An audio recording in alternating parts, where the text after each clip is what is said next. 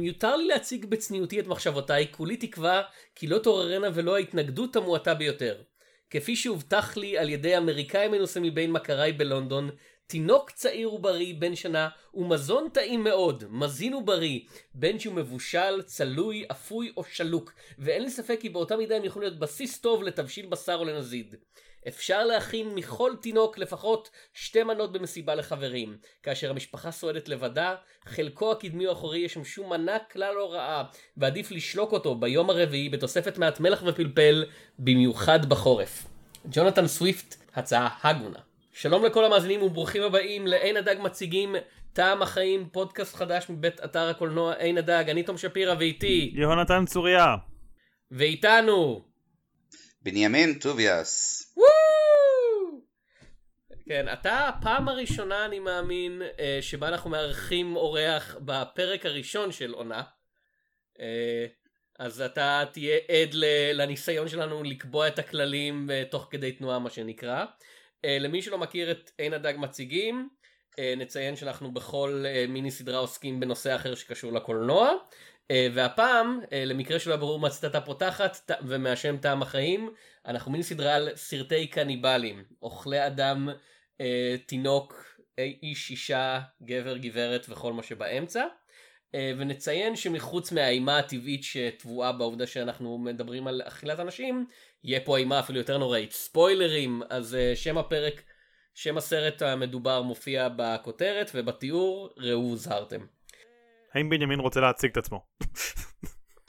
קורה, הולך, לפעמים. אה, בנימין טוביאס, אה, מבקר קולנוע של ידיעות אחרונות, ובאופן כללי אה, אוהב די הרבה סרטים. אז כשהזמנתם אותי לדבר על שתיקת הכבשים, אני בא, זה... לפרקים היה ב top five סרטים האהובים עליי בכל הזמנים, מאז אה, טיפה התבגרתי והתרחקתי, אבל אה, מאז אה, עדיין כל פעם שאני רואה את הסרט או שומע עליו אני יש לי איזה משהו להגיד עליו, אז uh, כנראה שבגלל זה הזמנתם אותי לכאן. כן, אז הסרט המדובר uh, כמ... היה חייב להיות, כאילו במין סדרה שעוסקת בקניבליזם, כנראה הסרט הכי מפורסם בקולנוע הוליוודי לפחות, uh, שמכיל בתוכו אכילת בני אדם.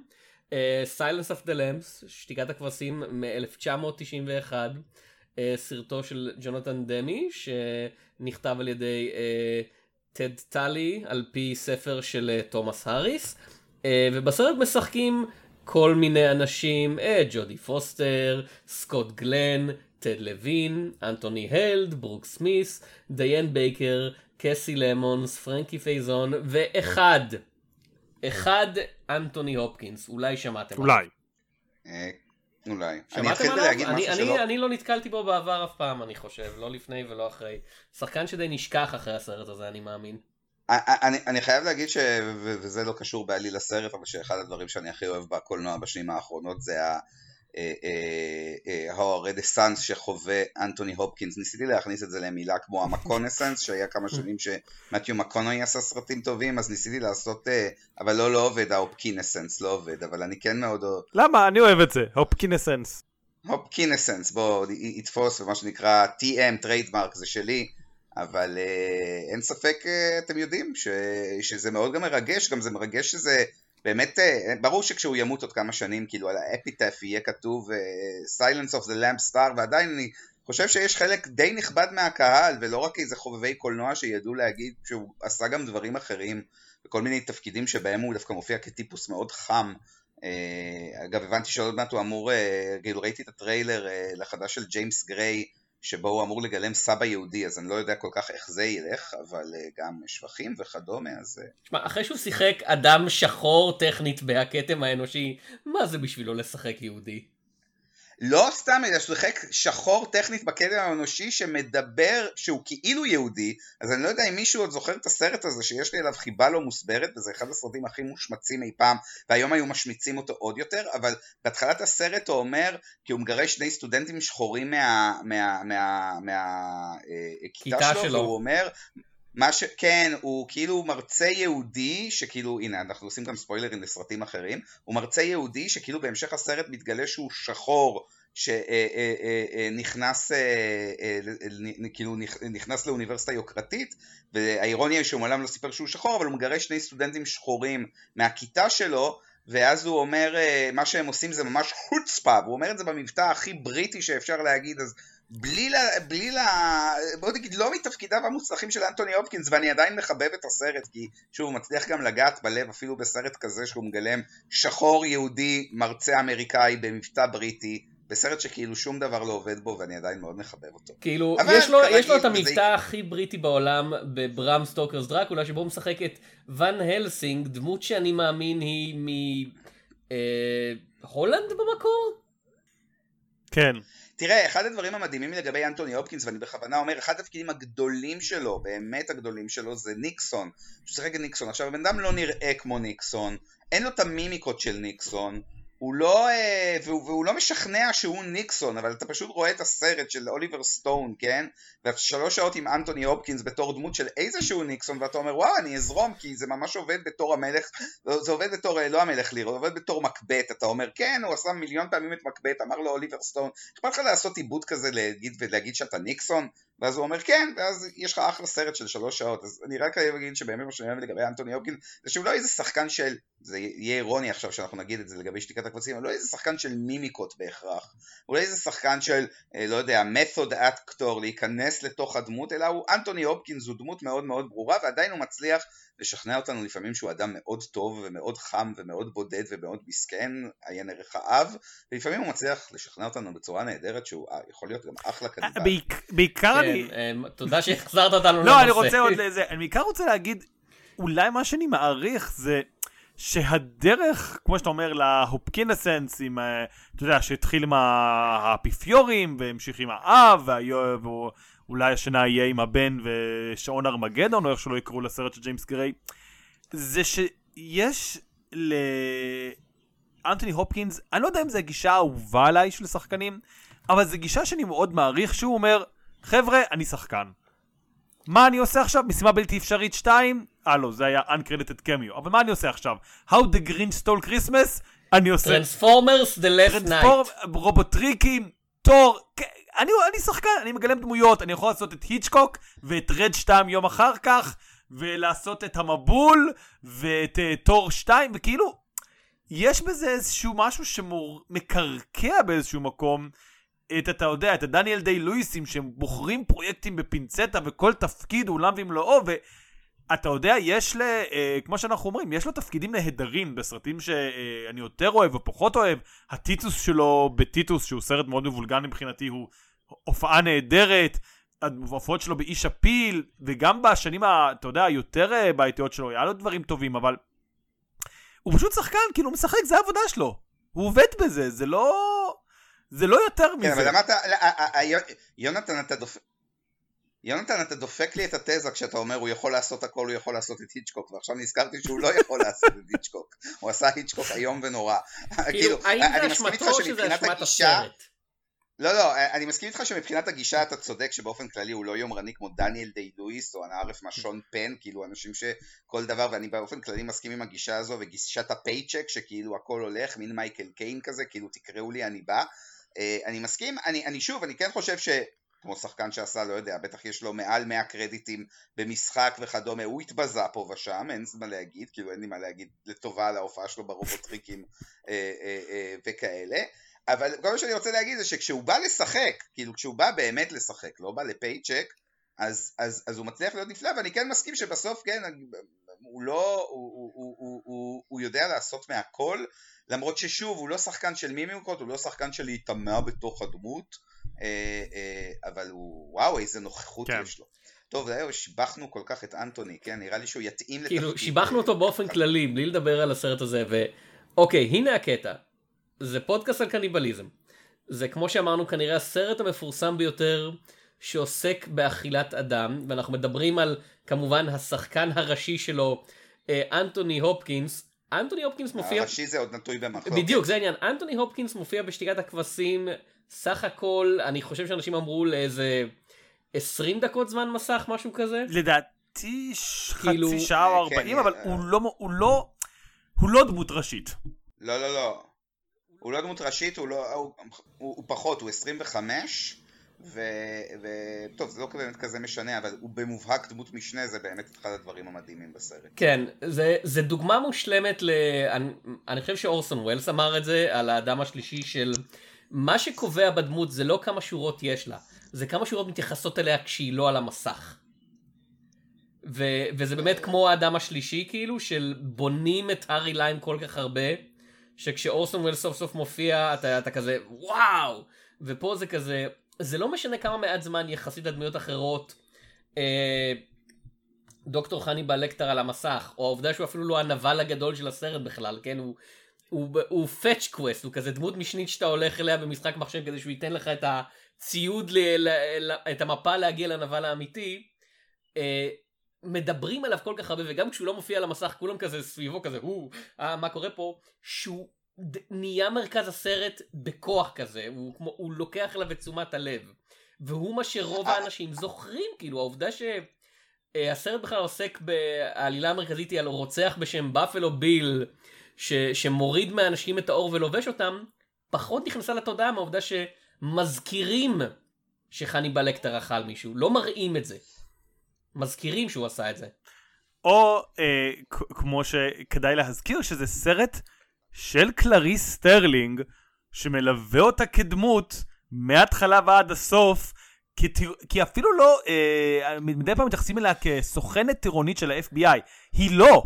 רק בסוף הסרט היא רשמית מתקבלת ל-FBI. היא, לקחו אותה למשימה מיוחדת כחלק מהמסלול אה, הכשרה שלה, וזה הסרט בגדול שלה. אבל.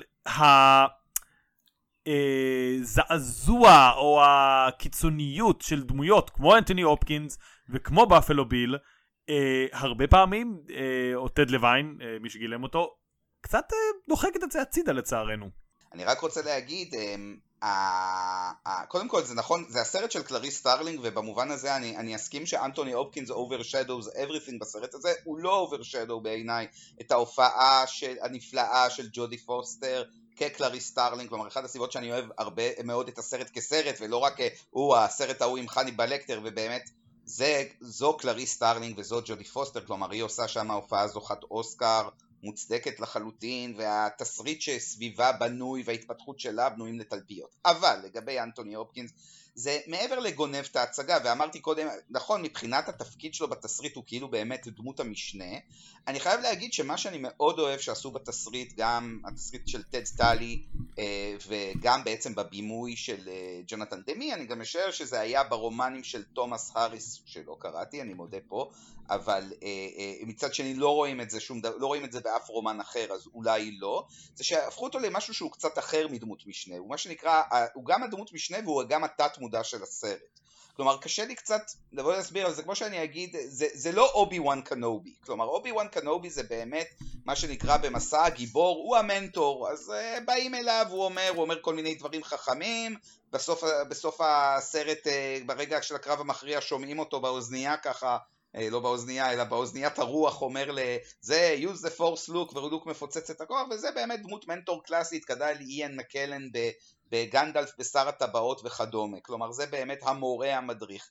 וכאן הסרט עושה קצת באמת משהו אחר, זה שבשביל אה, לבוא ולהסביר איך דווקא חני בלקטר הוא מנטור, הוא מאוד מאוד עובד קשה ללהזיז אותנו, הנקודת מבט היא של, אה, של קלריס, אבל להפוך את הנקודת מבט המעוותת שלו על העולם לנקודת מבט לגיטימית. אה, ולנקודת מבט שבה אנחנו אוהדים אותה, אז בגלל זה הוא גם חותם את הסרט ולא בסוף גם הקטע הזה ש... אה, אה, אנחנו בטריטוריית ספוילרים, בסוף הקטע הזה שהוא אה, עומד לאכול עוד מישהו ונטמע בהמון, זה לא איזה קטע קומי כזה, comic relief כזה שסוגר את הסרט, אלא זה באמת הרעיון הזה שחניבעל לקטר לפתע נטמע בכל אחד מאיתנו. אז, אז, אז כן, אז הוא דמות משנה, אבל הוא גם התת מודע של הסרט, ובמובן הזה רוחו מלווה באמת את קלריס ומלווה את הסרט כל הזמן, קצת כמו מין יינג ויאנג כזה, שאתה לומד להעריך, היא כאילו האמריקאית הזכה התמה, אה, והוא לכל העניין הזר, הרוח הזרה המאוד אנטי אנושית הצינית, אבל איכשהו אנחנו גם מקבלים את נקודת מבטו כנקודת מבט לגיטימית לחלוטין על האנושות. ומעט סרטים יודעים לעשות את זה בצורה כל כך מושלמת כמו הסרט הזה. ניכר שאני אוהב את אני הסרט. אגיד אפילו יותר מזה, יש תחוש... יש תחושה שאנטוני הופקינס הוא באיזשהו מקום במקביל, לא בדיוק המנטור, אבל סוג של הקטליסט שגרם לבאפלו ביל. והסיבה שמראש פונים אליו זה לא רק, אה וואו, אתה פסיכיאטר מאוד טוב, אולי תעזור לנו, אלא זה מעין, זה בגללך. כאילו, אתה צריך לעזור לנו פה, כי אתה קצת גרמת לבאפלו ביל, והוא לא מתייחס לזה בישירות, כלומר, הוא אומר, אני כן מכיר אותו, אני יודע מי זה, אני לא יודע מי זה. יש כאן איזושהי אה, ניסיון לכאורה של ג'ודי פוסטר לפנות באמת לרוע האנושי כפי שהוא מוצג אצל חניבל לקטר ולהגיד לו בוא תעזור, כאילו, כאילו בוא תראה איפה אתה יכול לעזור לי, הרוצח הזה זה אשמתך, אתה כבר לא נהנה מזה, אתה כלוא בכלא, כאילו כלאנו את הסופר רוע שזה אתה, ועכשיו הניצנים הקטנים שלך הולכים בעולם, בוא ננסה לעשות עסקה, כמו שבאמת אומרת. כאילו, אני אעזור לך, קוויד פרו קוו, כמו שהסרט uh, מציין. עזור לי, נעזור לך, אתה תקבל איזה שהם תנאים, אולי uh, תוכל uh, לראות נוף, ואני אוכל לעצור את הרשע שאתה הולדת. אה, אה, אני חושב שגם בכל הדימוי הזה של בוא הקוויד פרו קרו, כן, אני חושב שאחד הדברים שעובדים כל כך טוב בשתיקת הכבשים, אה, זה בעצם שמאוד מהר, אני חושב לצופה, בלי שיגידו לו מילה, כן, בטח הצופים שהגיעו ב-91, אף אחד לא, מהם לא, לא התחיל, אה, והסרט יצא בפברואר, כן, הוא יצא כמין, אה, אה, ב- בלא עונת אוסקרים, והוא יצא, אני לא אגיד כמותחן זול, כי הוא כן היה מאחוריו אנשים שהיה להם איזשהו פדיגרי, היה להם איזשהו אה, אה, כן מעמד, אבל הוא כן יצא בו שנקרא, בלי, בטח בלי תקוות גדולות לזכות באוסקר כעבור שנה, ו- ואנשים שראו אותו, אה, והבאז בתחילו, אני בזמנו חזרתי לעיתונים שפרסמו, אמרו וואו, מה זה סרט האימה הזה שמפחיד את כולם, אה, סתם קצת כמו פרויקט המכשפה מבלר, אבל אף אחד לא דיבר עליו במונחים של איזה קלאסיקה על זמנית. אה, רוג'ר איברד נתן ביקורת די בינונית על הסרט, ואני חושב שאחד הדברים המדהימים זה ש... באמצעים מאוד מאוד פשוטים, ומה שאתה דיברת עליו, תום, ההכנה הזו, הלדבר עליו, הוא מצליח להפוך את זה למטאפורה מאוד מאוד מאוד ישירה ללרדת אל הנפש שלך. כלומר, כל ה- do not touch the glass, do not throw the glass, הוא, אה, אה, אה, אה, אתה, אוי אתה הולך להיכנס לנדבכים הכי אפלים של הנפש שלך, לנדבכים שיכולים לאכול אותך, ואז היא נכנסת באמת לתוך המעמקים של הבית חולים הפסיכיאטרי הזה, ואני באמת אומר רצף השוטים האלה של אני לא יודע כמה מדרגות יש שם, ולמה לא הייתה להם מעלית. אבל אני, אני, אני חושב שדי ברור שמבחינה קולנועית למה אסור היה שתהיה להם מעלית, כי כמובן מעלית הייתה דופקת את זה, אנחנו צריכים לראות אותה יורדת עוד ועוד ועוד ועוד, וזה לא מצולם באיזה לוליינות טים ברטונית כזו שהוא במין אה, מדרגות עבודות, לא, היא יורדת בעוד מדרגות ועוד מדרגות, תוך כדי הוא מספר לה על, ה, על האחות שהוא אכל לה את הפנים, שזה גם כאילו אומר תיזהרי תחווי, והיא יורדת אל המעמקים, ויורדת למעמקי הנפש שלה, זה מאוד מאוד ברור למפלצות, כלומר לפני זה מגיע אותו אה, אה, אותו אה, אה, מיגס, אותו רוצח סדרתי שני, מה שנקרא רוצח סדרתי סוג ב', שכאילו זה, ואומר את המשפט, אני מצטער אם כאן אני יוצא טריגרי, אבל הוא אומר אני יכול להריח את הכוס שלך, כן? שזה מאוד אה, אה, גס ומאוד זה, אבל זה כאילו המעמד, גם איזשהו איד מאוד מאוד מאוד מכוער, כלומר קלריס סטארלינג שכל הבעיה שלה מול העולם זה גם אה, היא אישה בעולם של גברים וכאילו היא מרגישה מותקפת והיא לא חושפת את הצד הזה, היא אגב לא חושפת את הצד הזה בסרט בכלל, יש רגע שבו מישהו מזמין אותה לדייט והיא כזה אומרת לו תתרכז בעבודה כזה, כלומר אה, במובן הזה הסרט הוא הרבה הרבה יותר עכשווי, היא כאילו רוצה שיקחו אותה בענייני עבודה ולא ידברו על זה בענייני, אה, ולא יחשבו עליה כאובייקט מיני, והנה מגיע מישהו ואומר אני יכול להריח את הכוס שלך, זה אומר כמובן אני יכול אה, אה, מינית לראות אותך באופן הכי בסיסי, את אישה כאן בעולם של גברים, אה, אה, תרגישי מאוימת. יש את השוט הנהדר. הזה. יש את השוט הנהדר הזה שהיא במעלית, אה, אחרי הריצה, וג'ודי פוסטר הקטנטנה כולה מוקפת על ידי שחקנים שמשחקים סוכני FBI גברים, שהם נראה שהם נבחרו ספציפית נכון. שיהיו בגובה מטר שמונים פלוס. נכון, לא, וזה גם היא כחול, זה, זה, גם, זה אפשר לדבר על, על כל צנע בסרט שעות, אבל היא בצבע כחול והם בצבע אדום, כלומר היא אישה רגועה אה, ב, בעולם של גברים, בעולם של אלימות, שגם אם כולם, כולם אה, אה, אה, אה, מאוד, מאוד משצידה, ו, ודמי, שהוא באמת, אין מה להגיד, אני באמת, אה, במאי שאני מצטער על לכתו הזה הוא, ג'ונתן דמי, כן, הבמאי שצריך להגיד, היה, בסרט הזה הוא היה כמו בהתקף גאונות בלתי נגמר, באמת כל נח, חושבת היא מבדרת והיא עשויה היטב, אבל היא גם זה, אז דמי ברגע הזה של הירידה לתוככי הנפש של עצמך, כל שוט באמת המחשבה הזו היא בעצם עד כמה הדבר הזה הוא מרתיע ומפחיד, ומפחיד כל אחד מאיתנו. כלומר, חניבל לקטר, תגידו מה הוא, הסופר איגו, הוא האיד, או לא משנה, הרעיון הזה שהוא בסוף המסדרון, בכיסא בסוף, זה כמו המסדרון באמת לנגיהנום, אבל התוכחים של הנפש, ולפני זה עוד המפלצות הפנימיות והדברים שהיא מנסה להדחיק, ממש צצים ו- וכובשים וצועקים ויורקים עליה ואומרים את כל הדברים שהיא לא ידעה עד שהיא באמת הולכת אל הרוע הטהור הזה שאיתו היא צריכה להתעמת ואיתו היא גם עושה עסקה, כלומר גם כמובן זה נעשה בתסריט בצורה נורא חכמה, הדרגתית, בפעם הראשונה היא בורחת משם, כל עוד נפשה בה, מלאה בפחד, ובהמשך היא מה שנקרא הולכת וצוברת ביטחון אה, אה, ללכת אל אותו, אה, באמת לאיש הרשע ביותר בעולם לכאורה. ואני רוצה, אם, אם יורשה לי קצת לגרור את זה בכוח, אני מצטער, וחזרה לנושא הקניבליזם, שהוא לכאורה התירוץ שלנו למיני סדרה הזאתי. וזה מעניין פה, שבניגוד להרבה סרטים אחרים שנדבר עליהם, רוב הסרטים שראינו שמציגים את זה בתור נושא מאוד כזה, או זה הברבריות וזה חזרה, אתה יודע, לקדמה אנושית, או במקרים סופר גזעניים, זה כזה, זה משהו שהם, האנשים הלא מתורבתים עושים. פה זה דווקא מציב אותו, את חניבל לקטר, העובדה שהוא קניבל ברמה מעל, הוא יותר כמו ערפד, כן? הוא האציל שמסתכל מלמעלה אפילו כשהוא בטל שאר האנשים ואומר, אני יודע דברים שאתם לא יודעים, כאילו אני... העובדה שטעמתי את זה מוכיח כמה, כמה אני מעליכם, העובדה שאני יכול לאכול אתכם, כמו שהרוזן דרקולה אוכל את אלו שמתחתיו, אה, גם ברמה ה... אנושית של הכוחות וגם ברמה של, אתה יודע, הוא הרוזן, כן, הוא האציל והוא אוכל את האיכרים ואת בני מעמד הביניים. אה, וזה מעניין לחשוב על זה במובן של כולם ניגשים אליו ועדיין כאילו קצת משתחווים לפניו, כאילו כל הסרט זה כזה, גם כשהם אומרים, אה כן הוא נורא ואיום, אבל כזה, אנחנו חייב, כאילו זה, אנחנו רוצים לראות אותו ואנחנו רוצים את העצה שלו, ואנחנו רוצים שהוא יגיד לנו מה לעשות. הם מתחננים בפניו. כל הדמויות בסרט פחות או יותר משתחוות בפני חני בלקטר ואומרות בבקשה בבקשה תגיד לנו מה לעשות.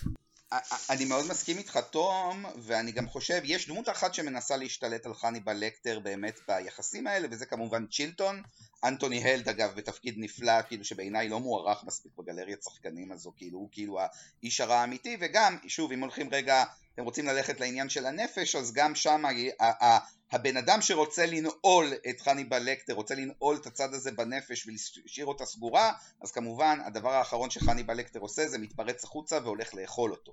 אז אה, מה שנקרא, אם תנסו אה, לדכא את חניבל לקטר, אז הוא ממש יאכל לכם את הפרצוף. את אה, קלריס סטארלינג שעשתה את זה, הוא לא עושה לה את זה והוא מכבד אותה. אה, אה, והוא גם לא רודף אחרי אף אחד מהאנשים האחרים למרות שזה, וכאן לא יודע אם זה ספוילרים לדרקון אדום, אה, לספר ולמנהנטר לצורך העניין, בדרקון אדום הדמות של חניבל לקטר, איך שהיא מתנהגת מול ג'ק קרופורד, היא הרבה הרבה יותר נקרא לזה באמת של נבל יותר קלאסי במובן הזה, כלומר בדרקון אדום חניבל לקטר למעשה זומם מהכלא להרוג את, את ג'ק קרופורד ואת משפחתו ושולח רוצח, ושם באמת, ולצורך העניין ג'ק קרופורד הוא הטוב, כלומר הוא גם רוצח את האנשים שמכבדים אותו ובאים אליו, לקלריס סטארלינג הוא לא עושה וחוסך את זה ממנה. אה, אני חושב שאפשר להגיד כמה דברים גם לגבי הבחירה של הופקינס בסרט הזה שהופכות את התפקיד למאוד שונה באמת ובאמת למין אה, ערפד יודע הכל אה, אה, אז אנטוני הופקינס באופן מפורסם אמר שההשראה מספר אחת שלו לדמות היה הל המחשב יודע הכל מ-2001 אודיסאה בחלל, וזה כמובן מאוד מתחבר כשנזכרים בקול שלו, כלומר אה, יש בו משהו מתכתי לא אנושי. אגב זה מעניין מה שאתה אמרת על הערפד, אני מנסה לחשוב, יש ממש אה, סצנה בסרט שבו ממש לפני המפגש האחרון שלהם, שבא מישהו שוטר כזה מפוחד מבוהל, אומר לה מה הוא, אומרים שהוא ערפד, והיא אומרת אין לי מילה לתאר מה הוא. ואני גם חושב שכאן זה קצת דחייה קלת הרעיון שהוא אפילו מעבר למונסטר, כלומר מאז בסרטים שנעשו מאז ובסדרה וכדומה, חניבל לקטר הפך קצת יותר למונסטר, קצת למין אה, מפלצת כזו שצריך להתמודד מולה, אני חושב שמה שנורא יפה בשתיקת הכבשים זה שבדיוק הוא קצת לא מוגדר, הוא קצת אל, אה, שזה בעיניי הדבר שהוא הופך אותו וגם הופך את הקניבליזם למשהו שהצופים באופן אינטואיטיבי יכולים לקבל כלומר הוא קצת סוג של אלוהים על הגבעה, אה, אה, גם האופן שדמי, סליחה ששוב אני גורר את השיחה לשוטים, אבל דמי מצלם אותו, וזה היה טכניקה שדמי מאוד אהב, אה, בפנים קדימה, שהוא מסתכל עלינו במין ותוחם את הפנים שלו ומסתכל עלינו, יש משהו כמעט כמו אלוהים מסתכל עלינו, זה מאוד מפחיד, וברור לנו שהוא יכול להרוג אותנו, או יכול להרוג את מי שמולו בשנייה, כלומר באמת הוא, הוא משתמש בכולם כמו לצרכיו ומה שנקרא, מנגן, איך אומרים, מנגן עליהם כמו כינור, אבל זה מעבר ליחסים בין אישה לאסיר, הוא באמת אל יודע הכל, או כמו הל, המחשב מ-2001, הוא מחשב יודע הכל, שום דבר לא מוגבל, ולכן כשאתה שומע, וזה אני יותר קשור באמת לדיון על קניבליזם, כשאתה שומע שהוא אוכל אדם, ושוב, קהל מיינסטרימי ראה את זה בתחילת שנות התשעים, הוא לא זועזע, אין בזה משהו כל כך מזעזע, כי אתה אומר, זה קצת כמו שתגיד, אלוהים אוכל את האדם, או אם תגיד, האלוהים שורף אנשים אה, חיים, אז תגיד, טוב, בסדר, הוא אלוהים, מותר לו. כלומר, זה חלק מה... מה, זה חלק מה, מהדברים, מה-perks with the jobs, כלומר, הוא יכול לשפוט האדם לטוב ולרע ולהגיד שהאדם אה, מוכן לאכילה. אה, ואני אגיד אה, גם אה, דבר אחרון לגבי הדמות הזו בספרים וגם בחלק מהסרטים המאוחרים כשטיפה רואים, רואים את הביוגרפיה של לקטר אז לקטר הוא ליטואני או ליטאי צריך להגיד בעברית הוא ליטאי, הוא מגיע מליטא, והיו כל מיני, בסדרה חניבל, וגם ב Hannibal Rising עם גספר אולייל, נורא התעקשו להביא לנו את המקורות שלו באיזושהי טירה בליטא, בש... ב... ואיך הוא הגיע לארצות הברית, וכמובן. אני, אני, אני שם את כספי שתומאס האריס מעולם לא ביקר בליטא, אבל ליטא זה כאילו המקום האחר הזר. ומה שבעיניי נורא עובד בשתיקת הכבשים ולא עובד בפרקים אחרים של אה, סרטי וסדרות לקטר זה שכאן אנטוני הופקינס, וזה בהמשך לדיון שלנו על השחקן, הוא לא, הוא אמנם ברור שחניבל לקטר, גם עם השם הזה, הוא מישהו זר, אבל לא כל כך ברור מאיפה. הוא כאילו נחת על כדור הארץ מאיפשהו, לא ברור אם הוא הגיע מבריטניה, ולא ברור אם הוא איזשהו מומחה אירופי, אז הוא כן, הוא הזר, הוא הסנוב, ברור שהוא סנוב, אוהב אה, מוזיקה קלאסית ושותה כבד עם קיאנטי, במובנים האלה הוא מאוד מנוגד שוב לקלריס סטארלינג שהיא white trash, אבל אה, לא ברור מאיפה הוא בא ולכן התחושה האלוהית הזו מאוד עובדת. אגב, אגב, אה, אגב, אני, אני רוצה לשאול, יונתן, אני, אני אציב לשניכם קצת אתגר, האם ראיתם את מן uh, הנטר של מייקל מן? כן. ומה דעתכם על הגרסה, על uh, בריין קוקס בתור, אגב, לא חני בלקטר, אלא חניבל לקטור, לא ממש ברור לי למה הם שינו את השם, אבל זה, הם מאייתים את זה... K ו-T. כן, C-K-T-O-R. אני לא יודע, הם, הם חשבו שזה קשה מדי לאיות או משהו כזה. מה דעתכם על הגרסה הזאת של הדמות? Uh, אני אתן תשובה היפסטרית. היא, mm-hmm. היא יותר טובה מאנטוני הופקינס ברד דרגון, כלומר שעושה את אותו חניבל לקטר אוקיי. מאותו סיפור. כלומר, היא יותר, היא גרסה מאוד מעניינת של חני בלקטר שכאילו אולי אם הייתה באה אחרי אנטוני הופקינס הייתי אומר שהיא גאונית אבל בסוף זה close but no cigar לא במובן שהוא לא משחק טוב אלא במובן שהוא לא זכיר.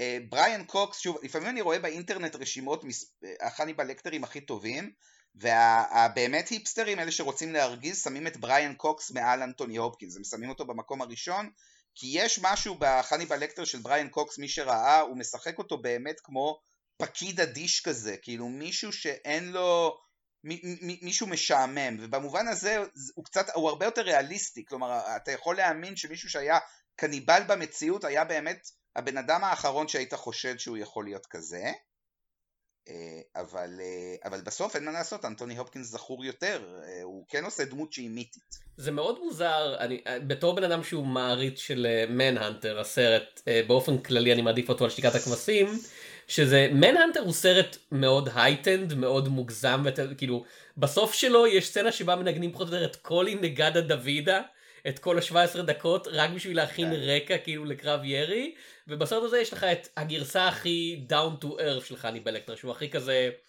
זה בן אדם רע שאוכל אנשים אבל הוא לא סופר אתה יודע תבוני יכול לחזות כל מה שעושים אה, נגדו הוא לא אלוהים כמו שאמרת הוא לא הרוזן דרקולה הוא סתם רוצח אנושי. אז אני אה, לא ראיתי אה, אני אודה בזה אף גרסה של חניבל לקטר שהיא לא משתיקת הכבשים חשבתי שאספיק לפני ההקלטה אבל אז אה, לא, לא הספקתי.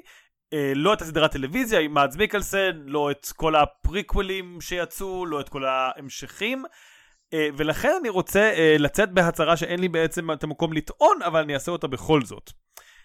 אני חושב שלפחות אה, בסאגת אנטוני הופקינס של הדמות, מה שג'ונתן דמי הבין זה שהוא יכול להיות כמו שאמרנו, הוא יכול להיות התת מודע, הוא יכול להיות האל, הוא יכול להיות הדמות ה... שתמיד שם ברקע, אבל הוא לא עיקר הסרט. עיקר הסרט היא קלריס סטארלינג, והוא השקיע מאוד בסיפור שלה.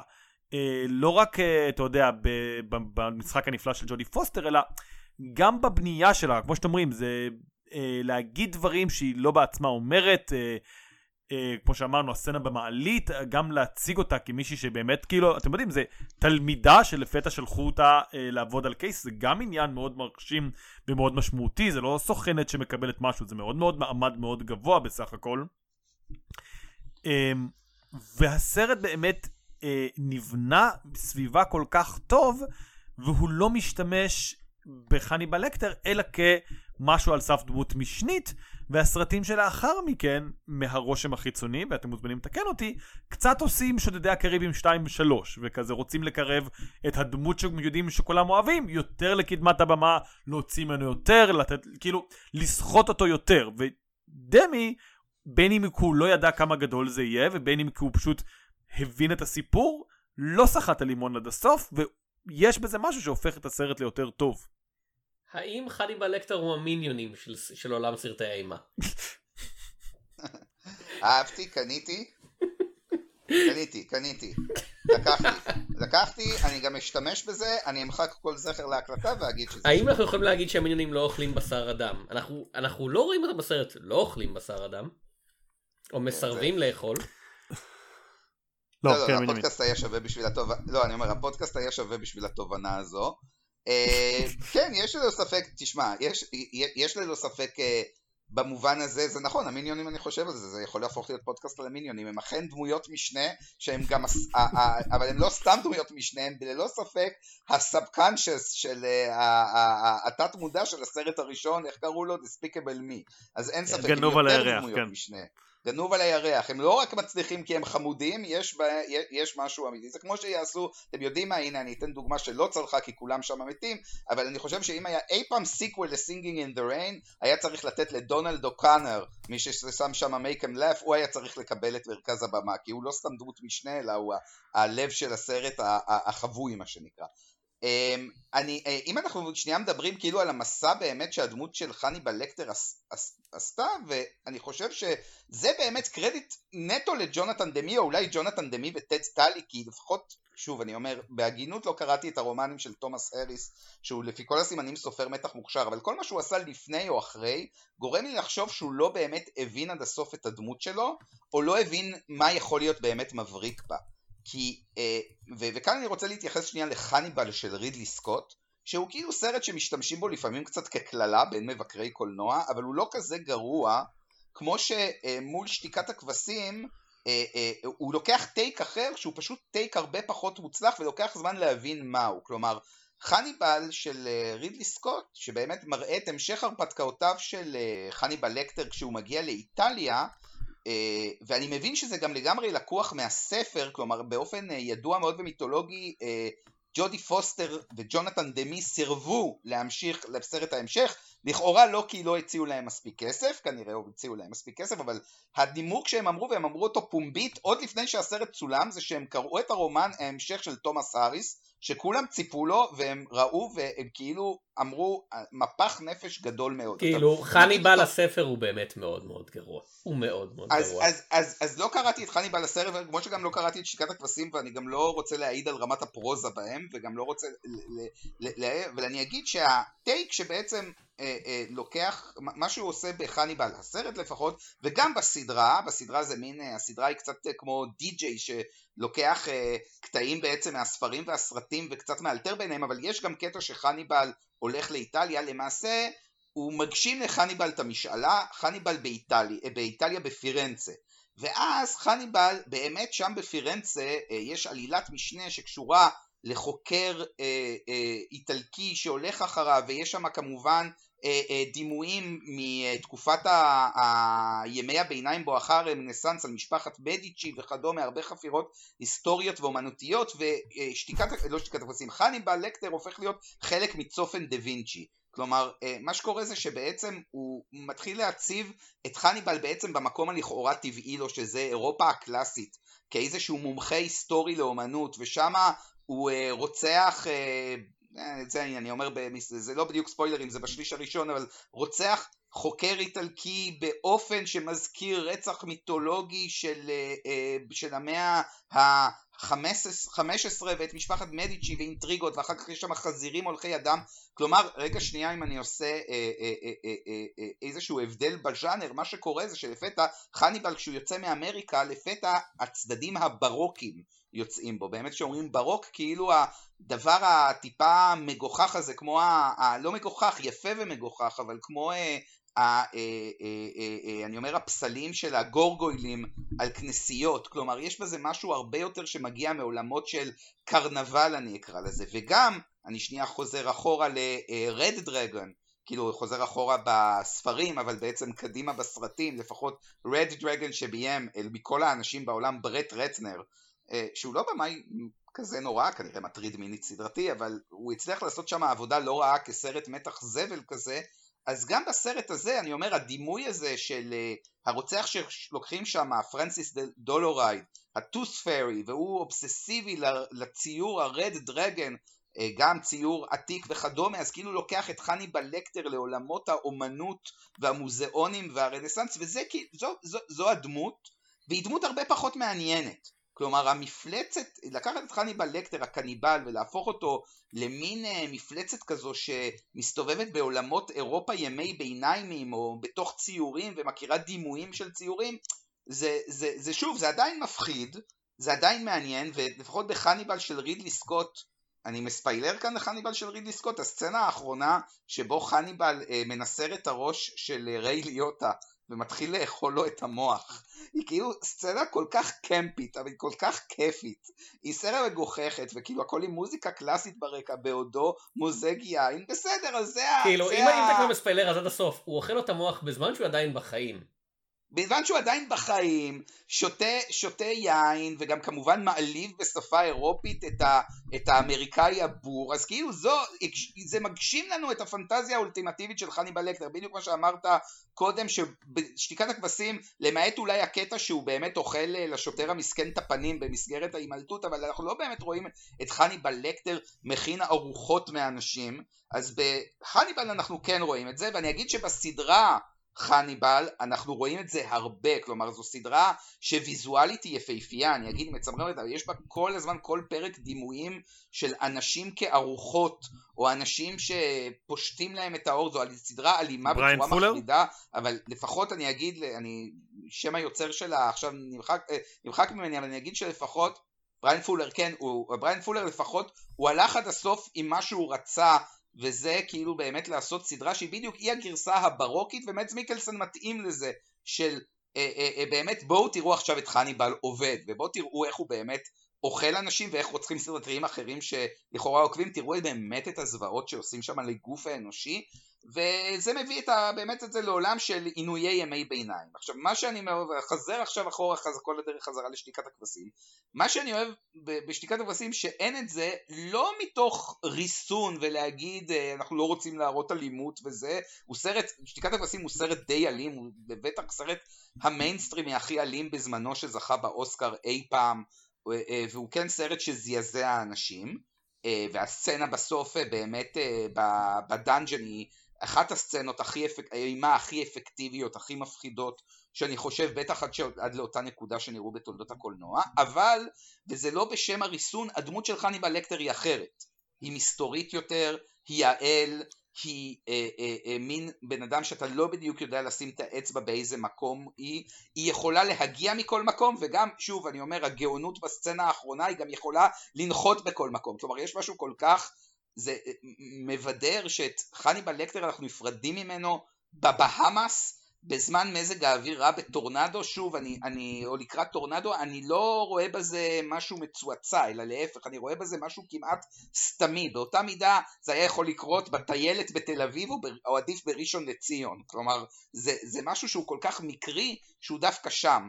אמ, וזהו, וזו באמת הנקודה, אני אומר את זה רק לאור השיפוט של הספרים והסרטים האחרים אה, אה, בסדרה, שלדעתי ג'ונתן דמי ואנטוני הופקינס וטד סטאלי הבינו את חניבל לקטר הרבה יותר טוב מהבן אדם שיצר אותו. בואו נדבר קצת, כי בכל זאת זה מרגיש מוזר שדיברנו על הסרט ולא הזכרנו אותו, על טד לוין בתור הנבל העיקרי של הסרט, נבל העיקרי, אני... בתור באפלו ביל. אני, אני רוצה לה... כאילו, הוא הנבל, הוא יותר מגגפין מנבל עיקרי, כי אני, אני לא יודע מה הגבול, אבל הוא לא מופיע בסרט עד שעה לתוכו, אני רוצה להגיד, אולי 40 דקות, 50 דקות, וגם אז, אם דיברנו על הזמן המצומצם של אנטוני הופקינס, לטד לוין, בלי לבדוק, אני אומר, יש מקסימום 30 שורות בתסריט, בתס, בתסריט הזה. אולי 40, יש לו סצנת דיאלוג כמעט מפורטת עם uh, ג'ודי פוסטר באיזשהו שלב, אבל הוא בקושי דמות. ובכל זאת הוא משהו שגרם להרבה מאוד, שגורם עד היום אני חושב להרבה מאוד מחלוקת בשאלה של... זה עוד, למי שלא ראה את הסרט, אה, מזל, תודה רבה שהקשבתם עד לפה, כאילו ואתם כזה, אוי זה כל כך כן. מעניין אותנו לשמוע אתכם מספיילרים את הסרט הזה שעוד לא ראינו. בפלו אה, ביל הוא לא אוכל אדם, הוא רוצח סדרתי שהורג נשים ומוריד להם חתיכות מהגוף, חתיכות מהאור, בניסיון ליצור מין כזה חליפה נשית של אור אנושי שהוא יוכל ללבוש מעליו, אה, וכמובן הלכאורה אלגוריה לטרנסג'נדרים אה, הייתה מאוד ברורה אפילו אז, עד כדי כך שבתסריט יש סצנה שבה הם עוצרים ואומרים רגע אז הוא טרנסג'נדר? כאילו הם מנתחים כאילו את הרוצח הזה שהם לא מכירים והדמות שהיא מומחית לתחום אומרת כזה מה? לא לא לא לא לא לא לא בשום אין שום קשר לא לא חס וחלילה כאילו. אה, כאילו כדי מראש למנוע, זה... למנוע טענות uh, שבשנות ה-90 כנראה לא היו עונים כי עד אז התופעה הייתה הרבה יותר, אתה יודע, בתרבות המיינסטרים הרבה יותר אנשים אומרים, אה, כן בוודאי אין לנו שום בעיה עם ההצגה הזאת, לא אכפת לנו מה הם חושבים. אז, אז מה שנקרא, כגיג שלוק אוהב לחזור לכותרות מאז וכדומה, אז אני חייב להגיד שזה גם הפתיע אותי, היום אנחנו כולם מדברים אה, טרלול פרוגרסיבי, כל דבר, כל פעם שלמישהו יש תלונה על סרט אז זה טרלול פרוגרסיבי ואסור גם שיהיה את זה, אז צריך להגיד לזכות שתיקת, לזכות או לגנות שתיקת הכבשים, שהוא עורר את המחאות האלה כבר אז, הווליום היה הרבה יותר נמוך, בטקס האוסקר שבו היה מועמד, זה גיליתי, הייתה הפגנה בחוץ של טרנסג'נדרים, אה, או של של הקהילה הלהט"בית אה, שתקפו אה, את הסרט. יחד אגב סתם אנקדוטה עם אינסטינקט בסיסי שזה גם מעניין לחשוב שאינסטינקט בסיסי סרט ושם זה ממש רוצחת סדרתית ביסקסואלית שרן סטון אה, הוא סרט אה, שנחשב בעיניהם גם למגונה אז גם מעניין לחשוב על ההקשר הזה זה גם תחילת שנות ה-90 הייתה תקופה יפה מאוד לרוצחים אה, סדרתיים וכיף לראות את המיעוטים שעליהם זה נזרק אבל אה, אה, ואין ספק שהיום עם הטוויטר וכדומה אז כבר בטח היינו הראל סגל כבר היה אומר את דעתו ורביב אה, אה, דרוקר היה אומר את דעתו וכל מיני אנשים וההקלה מהסרטון הייתה אומרת את דעתה גם וכל מיני אנשים היו מגיבים אחד לשני ואומרים שאנחנו רוצים אחד לשני את הקולנוע. אה, אני אגב חושב וזה בביוגרפיה של ג'ונתן דמי שג'ונתן דמי מאוד חש לא עם זה והטיעונים היא שהסרט הבא שלו שהוא סרט הרבה יותר הרבה פחות טוב אבל אה, אה, פילדלפיה עם תום הנקס שהוא סרט אה, חשוב מכל מיני סיבות. מעין התנצלות לקהילה הגאה שלו כאילו. כן הוא ההתנצלות לקהילה הגאה שלו ואני חושב שבסרט תוך כדי עשייה כמו שאמרת המשפט הזה מופיע ולא במקרה ואני בטוח שהייתה את הישיבת תסריט של לבוא ולהגיד אה, או כולם אומרים הטרנסג'נדרים הם נורא בסדר בפלו ביל הוא הבעיה.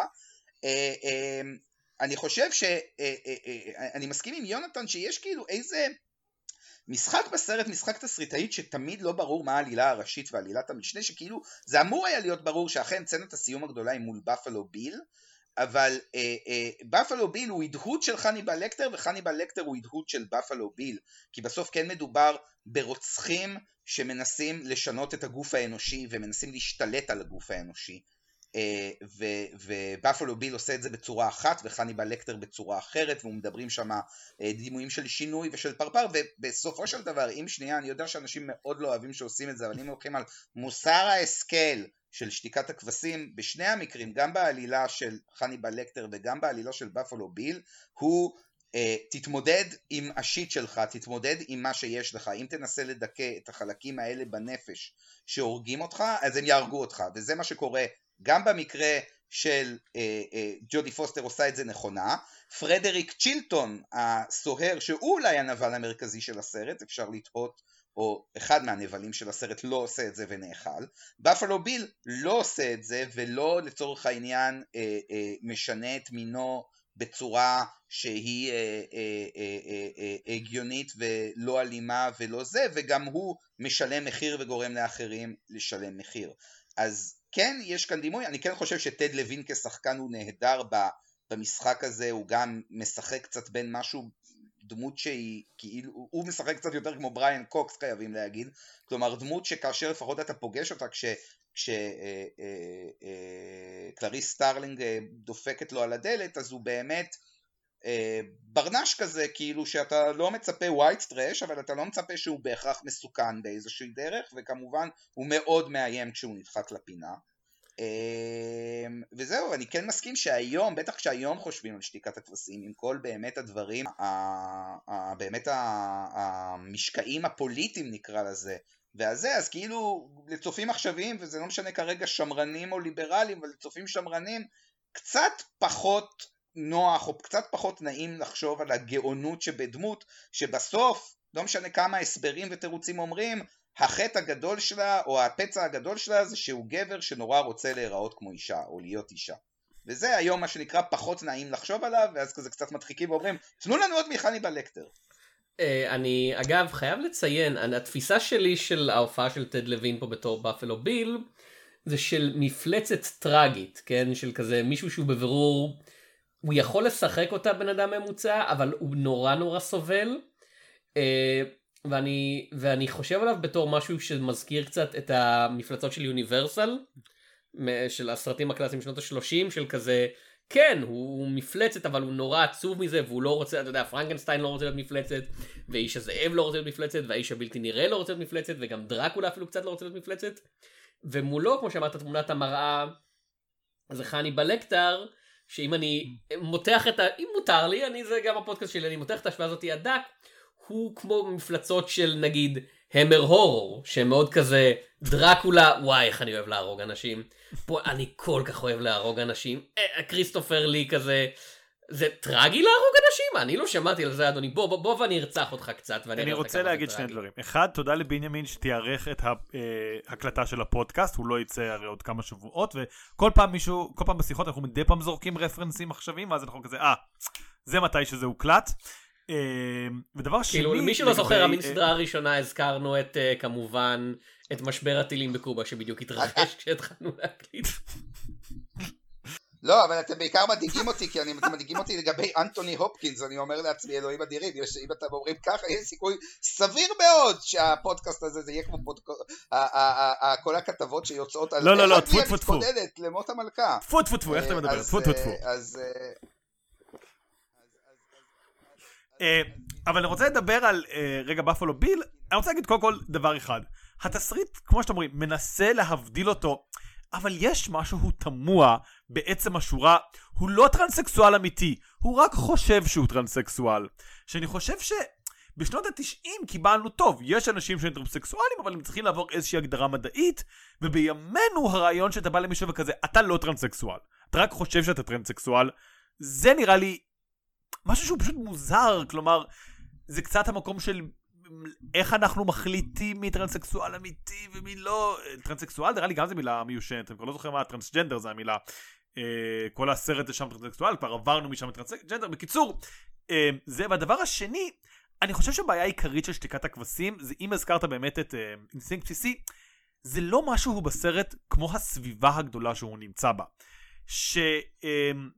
שבסופו אה, של דבר, אין לשתיקת הכבשים, והיה אפשר להכניס בתוך הסרט, אבל אולי זה היה קצת כפוי, אה, ובטח מסביבו דמויות של טרנסים שהם פשוט נורמליים, שהם פשוט אנשים נורמליים והם נחמדים. ואתה יודע, שנה אחר כך גם יוצא אה, משחק הדמעות, שלכאורה היה צעד קדימה, אבל בפועל הוא היה גם כמה צעדים, לא יודע אם אחורה, אבל יש שם המון הצידה. דברים של... הצידה, כן, נקרא לזה הצידה, לא יודע. אה, כלומר, הסצנת הכאה אחרי שהוא מגלה וכל הדברים האלה, אז כאילו זה מאוד מאוד לא איך שאנחנו אה, היום מתייחסים לנושא. כאילו, אה, אחת הקומדיות הכי גדולות של שנות ה-90, בלי לספיילר, אה, כן. עם שחקן הקומי הכי גדול של שנות ה-90, גם כן נגמרה במשהו מאוד דומה. כן, בכוונה, זה היה כאילו פרודיה הקצנה כן. של אותה סצנה. אה, בקיצור, אז כאילו אני חושב ש... הוא לא יודע אם לה, להפך, כי מאוד מאוד, אתה יודע, תמיד אנחנו מדברים על אם היה עושים את זה היום, מאוד מאוד קשה לעשות את המשחקים האלה, אבל לכאורה שתיקת הכבשים, בעידן שבו יש יותר דמויות טרנסיות, ומבהירים בסרט שהוא לא טרנס, אבל אומרים מה זה אומר, כי אני לא חושב להגיד, הוא רק חושב שהוא טרנס, הוא לא טרנס. אני חושב שזה היה, כאילו, כן, זה בסדר, מותר להציג גם נבלים, כל עוד באמת יש לך דימויים חיוביים שמאזנים את זה. אני לא חושב, לפחות אישית, ויכול להיות שאני טועה, שאנחנו רוצים רק דימויים חיוביים לכל אה, קבוצה מוחלשת, אלא פשוט זה לא יכול להיות שיש רק דימויים שליליים לכל קבוצה מוחלשת. ובשנות ה-90, אני, זה, נשמע, זה נשמע כאילו אתה אומר שהחברה של קלריס סטארלינג הייתה צריכה להיות פה. אני אגב אה, רוצה לציין בהקשר הזה, אה, הסתכלתי. קצת, אה, דיברת על הסדרה על חניבל שנגמרה בעונה 4 אני מאמין והם רצו שהעונה שלא הופקה מעולם תהיה העונה שמציגה את קלריס סטרלינג והליהוק הנבחר שלהם מסתבר היה אליוט פייג'. אתה, כאילו, לפני, ה... אלי- לפני אליוט ההכרזה פייג' לפני והניתוח. שיצא מה? מהארון הטרנסי, כן. כן. אה, אוקיי. שזה- אה, זה- זה- זה בהחלט היה משנה את האיזון של ה... לא יודע, הזיכיון הזה. ה- the- the- the lecterverse. שזה מאוד... זה היה, זה, מישהו בטח זה קורא לו עושה ככה איזון יפה. באיזשהו מסמך הוליוודי. כן. טוב, יש לנו עוד דברים חכמים להגיד, כי אם לא אני רוצה לדבר על משהו טיפשי. אני, רציתי רק להגיד משהו אחד שהוא כאילו מאוד, אם דיברנו על קניבליזם, אמ, ו- ואני לא יודע עד כמה זה יתקשר לשאר העונה שלכם, אבל אני חושב שיש משהו מאוד מעניין בזה שמכל הפשעים בעולם, אה, קניבליזם הוא כאילו אה, אה, המקובל ב, ב, ב, בקולנוע, או לא בקולנוע מבין הפשעים החמורים, כלומר בואו בוא נשים את הדברים על השולחן, רוב הסרטים שעוסקים ברוצחים מנקודת מבט אוהדת של רוצחים, בין אם זה על רוצחים, בין אם זה סרטי מאפיה או וואטאבר, אז, אז, אז אה, זה אנשים שנדחקים לעולם הזה או נדחקים לתפקיד. אה, ואנחנו לא רואים, אה, לא, לא זוכר שראיתי אה, קומדיות על אנסים חביבים כמובן, כלומר אנסים ופדופילים במדרג גם התרבותי אני חושב מחוץ לעולם הקולנוע, כן. זה נמוך יותר אפילו מרוצחים, כלומר טרם נמצא, בטח כיום, אבל גם אז בטח אין, אין, אה, אין מה שנקרא גישה אוהדת, יש כל מיני, אה, יש דרמות כמו The Woodsman וכדומה, טוב, אה, אפשר, אפשר לחזור לנקמת היורמים אני מניח. כן, זה, לא, בסדר, אני לא מדבר על ייצוגי מיטו וכדומה, ונכון, ודברים שהיום אנחנו רואים בקולנוע ואומרים, היי, זה אבל אני באמת שאני מתכוון להגיד שחניבל לקטר, אה, האנס, סליחה, כלומר, לא, לא תמצא, אה, אה, אני לא, לא אומר את זה כעכשיו דבר אה, טוב או רע, אני חושב שמשער כדבר טוב, אבל לא תמצא, אה, אולי באמת מאז התפוז מכני, שגם שם אפשר להתווכח האם זה נעשה אוהד או לא, אבל לא תמצא ייצוג, בטח לא ייצוג אוהד על אונס ולא על אנסים סדרתיים וגם לא על פדופילים ואני משער שכל מאזינינו וכמעט כל הצופים אה, יגידו וטוב שכך. על רוצחים אתה תמצא לרוב מענייני ה- ה- מעולמות המאפיה וכדומה ואיכשהו קניבלים ואני משער שאתם תדברו, לא יודע, סוויני טוד ודברים אחרים אולי שיעלו בהמשך העונה שלכם, אני משער.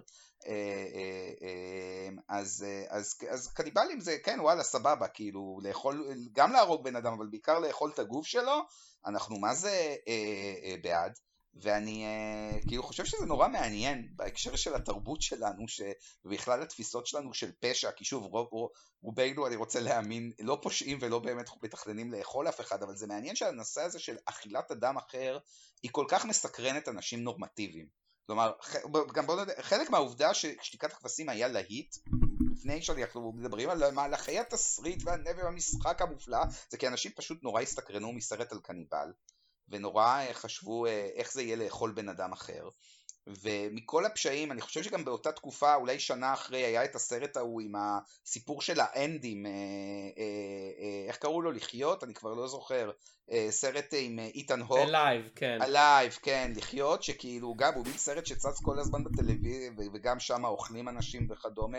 והסיפור הזה כל פעם צץ ואנשים אה, מתחילים לדבר, ובכלל חידות, אם היית תקוע בבעיה ולא היה לך מה לאכול, הייתם מתחילים לאכול אחד את השני וכדומה, אז אם אתם, זה סתם תמה, רעיון להמשך לעונת הקניבליזם שלכם, שאני אאזין לה בחדווה, זה למה זה כל כך מסקרן אנשים לאכול אנשים אחרים. ואם, רק להגיד לגבי שתיקת הכבשים, ששתיקת הכבשים פיצח שיטה או פיצח את התירוץ הנהדר לזה, וזה לבוא ולהגיד, אה, אני, אני, אני, אני, אני להגיד טוב, אה, במקרה של חניבל לקטר, ואני עדיין עומד מאחורי זה, חניבל לקטר הוא סוג של אל, אם אתם רוצים אל יווני, אה, במובן של, הוא, הוא, הוא, אולי יש בו צדדים אנושיים, אבל הוא חצי הדרך לאלוהות, אז מותר לו. ואז מותר לו, מותר לו להסתכל בבני אדם, לזלזל בהם, ואז לאכול אותם. אחד הדברים, אני כבר עכשיו לא זוכר אם זה מופיע בסרט ישירות או שזה מופיע בציטוט בהמשך, הוא אכל פעם נגן של אופרה, אה, לא נגן של אופרה, נגן בתזמורת כי הוא זייף בכלי, ואז הוא עשה חטא כלפי האומנות, וכאילו כולם יכולים, גם אם הם לא אוהבים מוזיקה קלאסית, להזדהות עם זה, שאל ששומע אדם שמזייף במהלך קונצרט והורס לאחרים את הקונצרט, אוכל אנשים אחרים, מגיע לו, מותר לו לעשות את זה. אגב, אמרתי אל יווני, אפשר גם לחשוב על דימוי שפחות מדבר עלינו, אבל ישו, שאומרים תמיד, אה, גם יש שם איזה עניינים קניבליים לא מוסברים של תשתו את הדם שלי ותאכלו את הבשר שלי. אז אה, כן, זה מעניין למה הקניבליזם כזה בתרבות. אני חושב שזה בעיקר... מישהו רוצה לאכול? אני חושב שזה אה, דבר כפול. נעשה טייק אחרי הפרק. דווקא הנדירות של התרחיש, והשני זה דווקא התדירות הקרובה שלו. כי מצד אחד אנחנו אוכלים רובנו, לא יודע אם רובנו, חלקנו המון בשר. ותמיד יש את השאלה, כאילו שאתה מסתכל על הבשר ואתה אומר, לא יודע אם תמיד, אבל באיזשהו מקום יש כזה, אוקיי, מה מבדיל בין הבשר הזה לבשר הזה? ואתה יודע, יש אנשים שממש הם קרניבורים בצורה קיצונית ומחפשים את נתח הבשר האולטימטיבי, והם הולכים ואוכלים, אתה יודע, כל דבר עלי אדמות, איזושהי אה, סטייה שכזאת, אתה יודע, לחקור את העולם דרך הפה, אה, שקורצת לזה, ומצד שני, זה כל כך נדיר, כאילו בניגוד לפדופילים וגילוי עריות ואונס ואפילו גם רצח הוא יותר נדיר אבל הוא קיים, זה דברים שאתה באמת יכול להפליג איתם במחוזות הפנטזיה כי אתה יודע שזה בטוח, אתה יודע זה כמו לראות סרטים אה, מפחידים שאתה בן עשר ובבית שלך והכל בסדר, יש לך איזה מרחב בטוח לחקור את הנושא הזה כי הוא כל כך מנותק מהמציאות שלך, זה לא הולך לקרות. אף אחד, אתה אף פעם לא הולך לאכול מישהו, אף אחד לא הולך לאכול אותך, זה מטורף לחשוב על זה, אז בוא נ... אז כאילו איזה כיף זה לחשוב על זה, איזה כיף זה לדמיין את זה, איזה כיף זה לעסוק בזה בסרטים, למרות ש... אה, כמו שנעסוק בהמשך העונה, אני לא בטוח שיש באמת המון סרטים אחרי שתיקת הכבשים שממש מה עוסקים בזה באופן מלא. אבל עכשיו אני רוצה לחתוך לשטויות.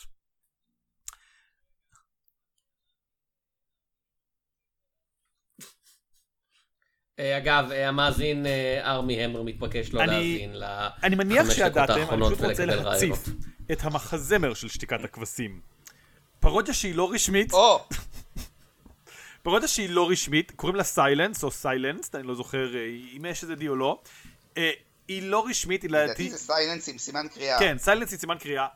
היא, אני לא יודע אם יש עותק שלה מוצג, אבל יש את כל השירים שלה מוקלטים באיכות מאוד טובה ביוטיוב. והיא קורעת מצחוק, אני לא יודע, כאילו זה באמת איזושהי, משהו שהוא גם פרודיה, אבל גם מצליח לקחת את האלמנטים אה, ולעבל אותם באופן קומי מאוד טוב.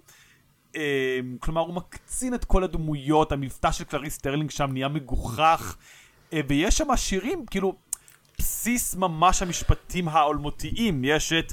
אה, דיברנו על המשפט המאוד בוטה של ההוא שמריח את הכוס שלה, אז יש שיר שלם שחניבל לקטר שר כשהוא שומע, הוא אומר, אני לא יכול להריח, אבל לו יכולתי, ויש שיר שלם סביב לו יכולתי להריח אה, את הכוס שלה, יש אה, כאילו משפטים קטנים מהסרט, יש את הבפלו ביל ששואל באיזה מידה היא. אה, are you about a size 14 שנהיה שיר שלם על איך הוא חוטף את הבחורה המסכנה Uh, כמובן, put the lotion in the basket נהיה דואט מרגש. והוא ממש מוצלח. ואם ראיתם את הסרט ואתם רוצים לראות איך הוא נשמע בגרסה מטומטמת להחריד, באופן הכי, הכי חיובי שאני יכול להגיד, אני אומר מטומטמת להחריד, זה ההפך מעלבון, אז תבדקו את הסרט. Uh, האם יש לנו עוד משהו להגיד, מטומטם או חכם? אני רק רוצה לציין, אגב, שתומאס האריס, הכותב של זה, הוא אחד הכותבים הכי כזה נח על זרי הדפנה שתמצאו אי פעם. הוא נהיה כותב מקצועי בשנת 1975, ומאז הוא פרסם שישה ספרים, באיזה, בכמעט 50 אה, שנה. ארבעה מתוכם זה ספרי חניבל, כאילו. בין, בין חניבל, שיצא ב-99, לספר הבא שלו, הספר האחרון שלו, שלא קשור לחניבל, שנקרא Cari Mora, עברו 20 שנה, הוא יצא ב-2019 ואף אחד לא שמע עליו. זה בן אדם שפשוט כזה נפל על הג'קפוט הכי גדול שבעולם, וכזה אמר, אה, אני יכול לשבת עכשיו, כאילו פעם ב... כאילו פעם בעשור הוא, הוא, יכתוב, הוא יכתוב להם, אתה יודע, כזה notes לתסריט של הסרט או משהו, או של הפריקוול הבא, וזהו. אגב, אגב, אגב זה הסיפור שלו הוא עוד יותר, עוד יותר מוקצן מאיך שאתה מתאר אותו, כי למיטב הבנתי, תומאס האריס מעולם לא התראיין, הוא גר בו במיסיסיפי, אף אחד לא יודע עליו כלום, הוא ממש סוג של סלינג'ר כזה, והסיפור גם, זה, זה לגבי שתיקת, עוד בשתיקת הכבשים, ששוב, שתיקת הכבשים לא תוכנן כשובר קופות מטורף, אה, היה לו, אה, הוא סירב לעזור לסרט, הוא רק אמר, הוא כתב להם מכתב, שהבנתי, הוא כלל שלושה מילים ובהצלחה, הוא לא התערב בכלל בסרט, הוא לא מתערב בכלל בסרטים, לא אכפת לו, הוא כנראה יושב ומקבל אתה יודע, אחרי שהוא מקבל מלן כסף על הזכויות, הפעם היחידה שהיה פרשר עליו, וגם הוא לא התראיין סביב זה, זה שבאמת אני זוכר שבאזורי 95-96 כולם חיכו ממש ליציאה של הניבל, אה, הספר, אה, וכמובן הוא היה אכזבה עצומה, אבל גם הוא לא התראיין לקראת, רק היו ביקורות נוראיות. על זה לדעתי אחר כך הוא לא כתב, או שהוא כן כתב עוד משהו אחד על חניבל לקטר, את ה Hannibal Rising. אבל כאילו הוא מאוד אדיש להצלחתו, הוא הרבה הרבה יותר מוקצן, אתה יודע, סטיבן קינג אוהב נורא לתחזק את הדימוי שלו בתור הסופר המסכן ממיין, אגב הספר, הסרט עם ג'וני דפ שהוא גם ככה מבקר באזורים אה, קניבליים, אה, ספוילרים, לא קניבליים בדיוק, אבל אה, הוא מאוד אוהב לטפח את הדימוי הסופר ממיזרי, הזה שלא, אני די בטוח שבמיין כולם יודעים איפה סטיבן קינג גר עם הרעש שהוא עושה על כמה שהוא סופר מסכן ועלוב. תומאס האריס אף אחד לא יודע וגם בקושי יודעים איך הוא נראה, אף אחד לא יודע איך הוא נראה לדעתי זה, אז סתם להגיד זה באמת דמות מרתקת, כאילו, תומאס האריס. אה, עדיין לא הבין את אה, שתיקת הכבשים, לא הבין את הדמות שלו, את חניבל לקטר כמו ג'ונתן דמי. כאילו, כן, אני, אני אציין, אה, זה פודקאסט קטן בעברית, אז אני לא חושב שיותר מדי מהאשמה משפטית. בסוף הסתבר ש, שתומאס האריס באמת אכל מישהו, כאילו בשנות ה-70 או משהו כזה. והסיבה שאנחנו לא יודעים זה שהוא מתחמק מהחוק עד היום. כן. אמר אני כן. ממליץ. כן, אולי חניבל לקטר בכבודו ובעצמו יושב וכותב את הספרים האלה תחת השם תומאס האריס ומלגלג על כולנו, בעודו מכין את הברבקיו שלו עם האנשים הנעלמים ממיסיסיפי. יונתן נעשה את המשחק. אני חושב שזה פיץ' לא רע, אני חושב שאני יכול כן. ללכת להוליווד עם זה. יונתן נעשה את המשחק המסיים? כן. אה, אז בסוף כל פרק של כל מיני סדרה, אנחנו מפתחים איזה משחק כדי למתוח את הפרק עוד קצת. למקרה שהם לא ארוכים מספיק והמאזינים לא תולשים את מעט השיער שעוד נשאר להם. אה, ולמיני סדרה הזאתי אנחנו מפילים את זה עליך. אה, המשחק הוא אם היית יכול לאכול אה, דמות לשחקן אחד מהסרט מי היית אוכל? ולמה? יונתן אתה רוצה לענות ראשון כי לתת לאורח שלנו זמן לפתח תשובה? אמ, כן. אני לא יודע, אף... מה, יש משהו בסרט הזה שהוא נורא מחוספס, לא כך דיברנו, כאילו דיברנו על ה... כאילו בתוך הפריים, אבל כסרט, משהו בכלליות שלו הוא מאוד מחוספס וכזה, לא נותן תחושת טעימה, אה, אף אחד שם, אה, מכולם, ו- וזה לא נחמד מה שאני הולך להגיד, אבל נראה לי שכאילו... קתרין מרטין, אני לא יודע, בונים אותה כמישהי שכזה כן, חוטפים אותה למטרות, כאילו, אכ... לא יודע אם אכילה, אבל כאילו כזה, אה, היא, היא שווה לאכול אותה, אז כזה, קצת שם, כי נגיד, אתה יודע, נראה לי שכשאנטוני הופקינס יאכל את צ'ילטון, הוא יתבאס, הוא לא נראה טעים. צ'ילטון. אמ, אז אני הולך עם, עם קטרין, וסליחה, לא יודע, כאילו משהו בסרט בונה אותה כדמות שהולכת להיות הכי טעימה, אני לא בטוח. כאילו כמו שדיברנו שבונים את חניבל לקטר אה. כהכי מאיים, אז בונים אותה כהכי טעימה. אני הולך על מנה כפולה, אני, אני מוכן לאכול שני שחקנים מהסרט הזה. אה, שחקנים אה, בקצת קומאז. רוג'ר קורמן וג'ורג' רומרו, לשניהם יש תפקידים קטנים בסרט, רוג'ר קורמן הוא המנהל של ה-FBI וג'ורג' רומרו, אני לא חושב שיש לו שורה אחת, הוא אחד הסוהרים בכלא. אה, אז אה, אתה יודע, מנה של במאי מהקלאסיים כאלה, אתה יודע, אני חושב שזה ראוי, והם גם נראים דמויות יחסית נקיות לסרט הזה שהוא מאוד מלוכלך כמו שאמרת. אני סומך עליהם שהמנה לא תהיה מזוהמת מדי. אה, אני בוחר ב... גם שניים, אני בוחר בסקוט גלן הוא ג'ק קרופורד. יש בו משהו, גם, זה, זה גם הופעה, זו הופעה קצת מוזרה, אבל היא הופעה גם מעניינת בתור, הוא כאילו המנטור הרשמי. יש בו כאילו משהו בכוונה שקט, רגוע וקצת משעמם משועמם. אה, ולכן הוא נראה לי כזה, דווקא דמות מעניינת לאכול אותה, כאילו נראה משהו כמו פילה מיניון מיושן כזה. הוא כאילו כבר ראה הכל, שום דבר לא מפתיע אותו, כאילו גם כשהוא רואה אנשים אכולים על ימין ועל שמאל, הוא אומר, כן, בסדר, לכי תדברי עם חניבל לקטר, שולח אה, סטוד... ת, תלמידה שלו להירצח כזה ב... על ידי רוצ... רוצחים סדרתיים, נראה לי ש... ש... שהוא יהיה כזה, יהיה משהו ענין בו.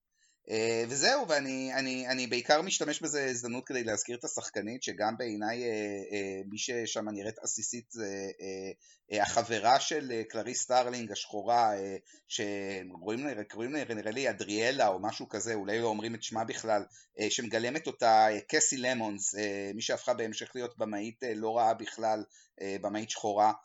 אז היא נראית בהחלט ראויה למנת הסאדו כזה, משהו כזה. וזהו. אז אה, זה היה טעם החיים, פרק ראשון לעונה. אני הייתי תום שפירא, ואיתי היו... יונתן צוריה. ו... בנימין טוביאס. ועד הפעם הבאה ניפגש בסרטים. יס, ביי. בתיאבון.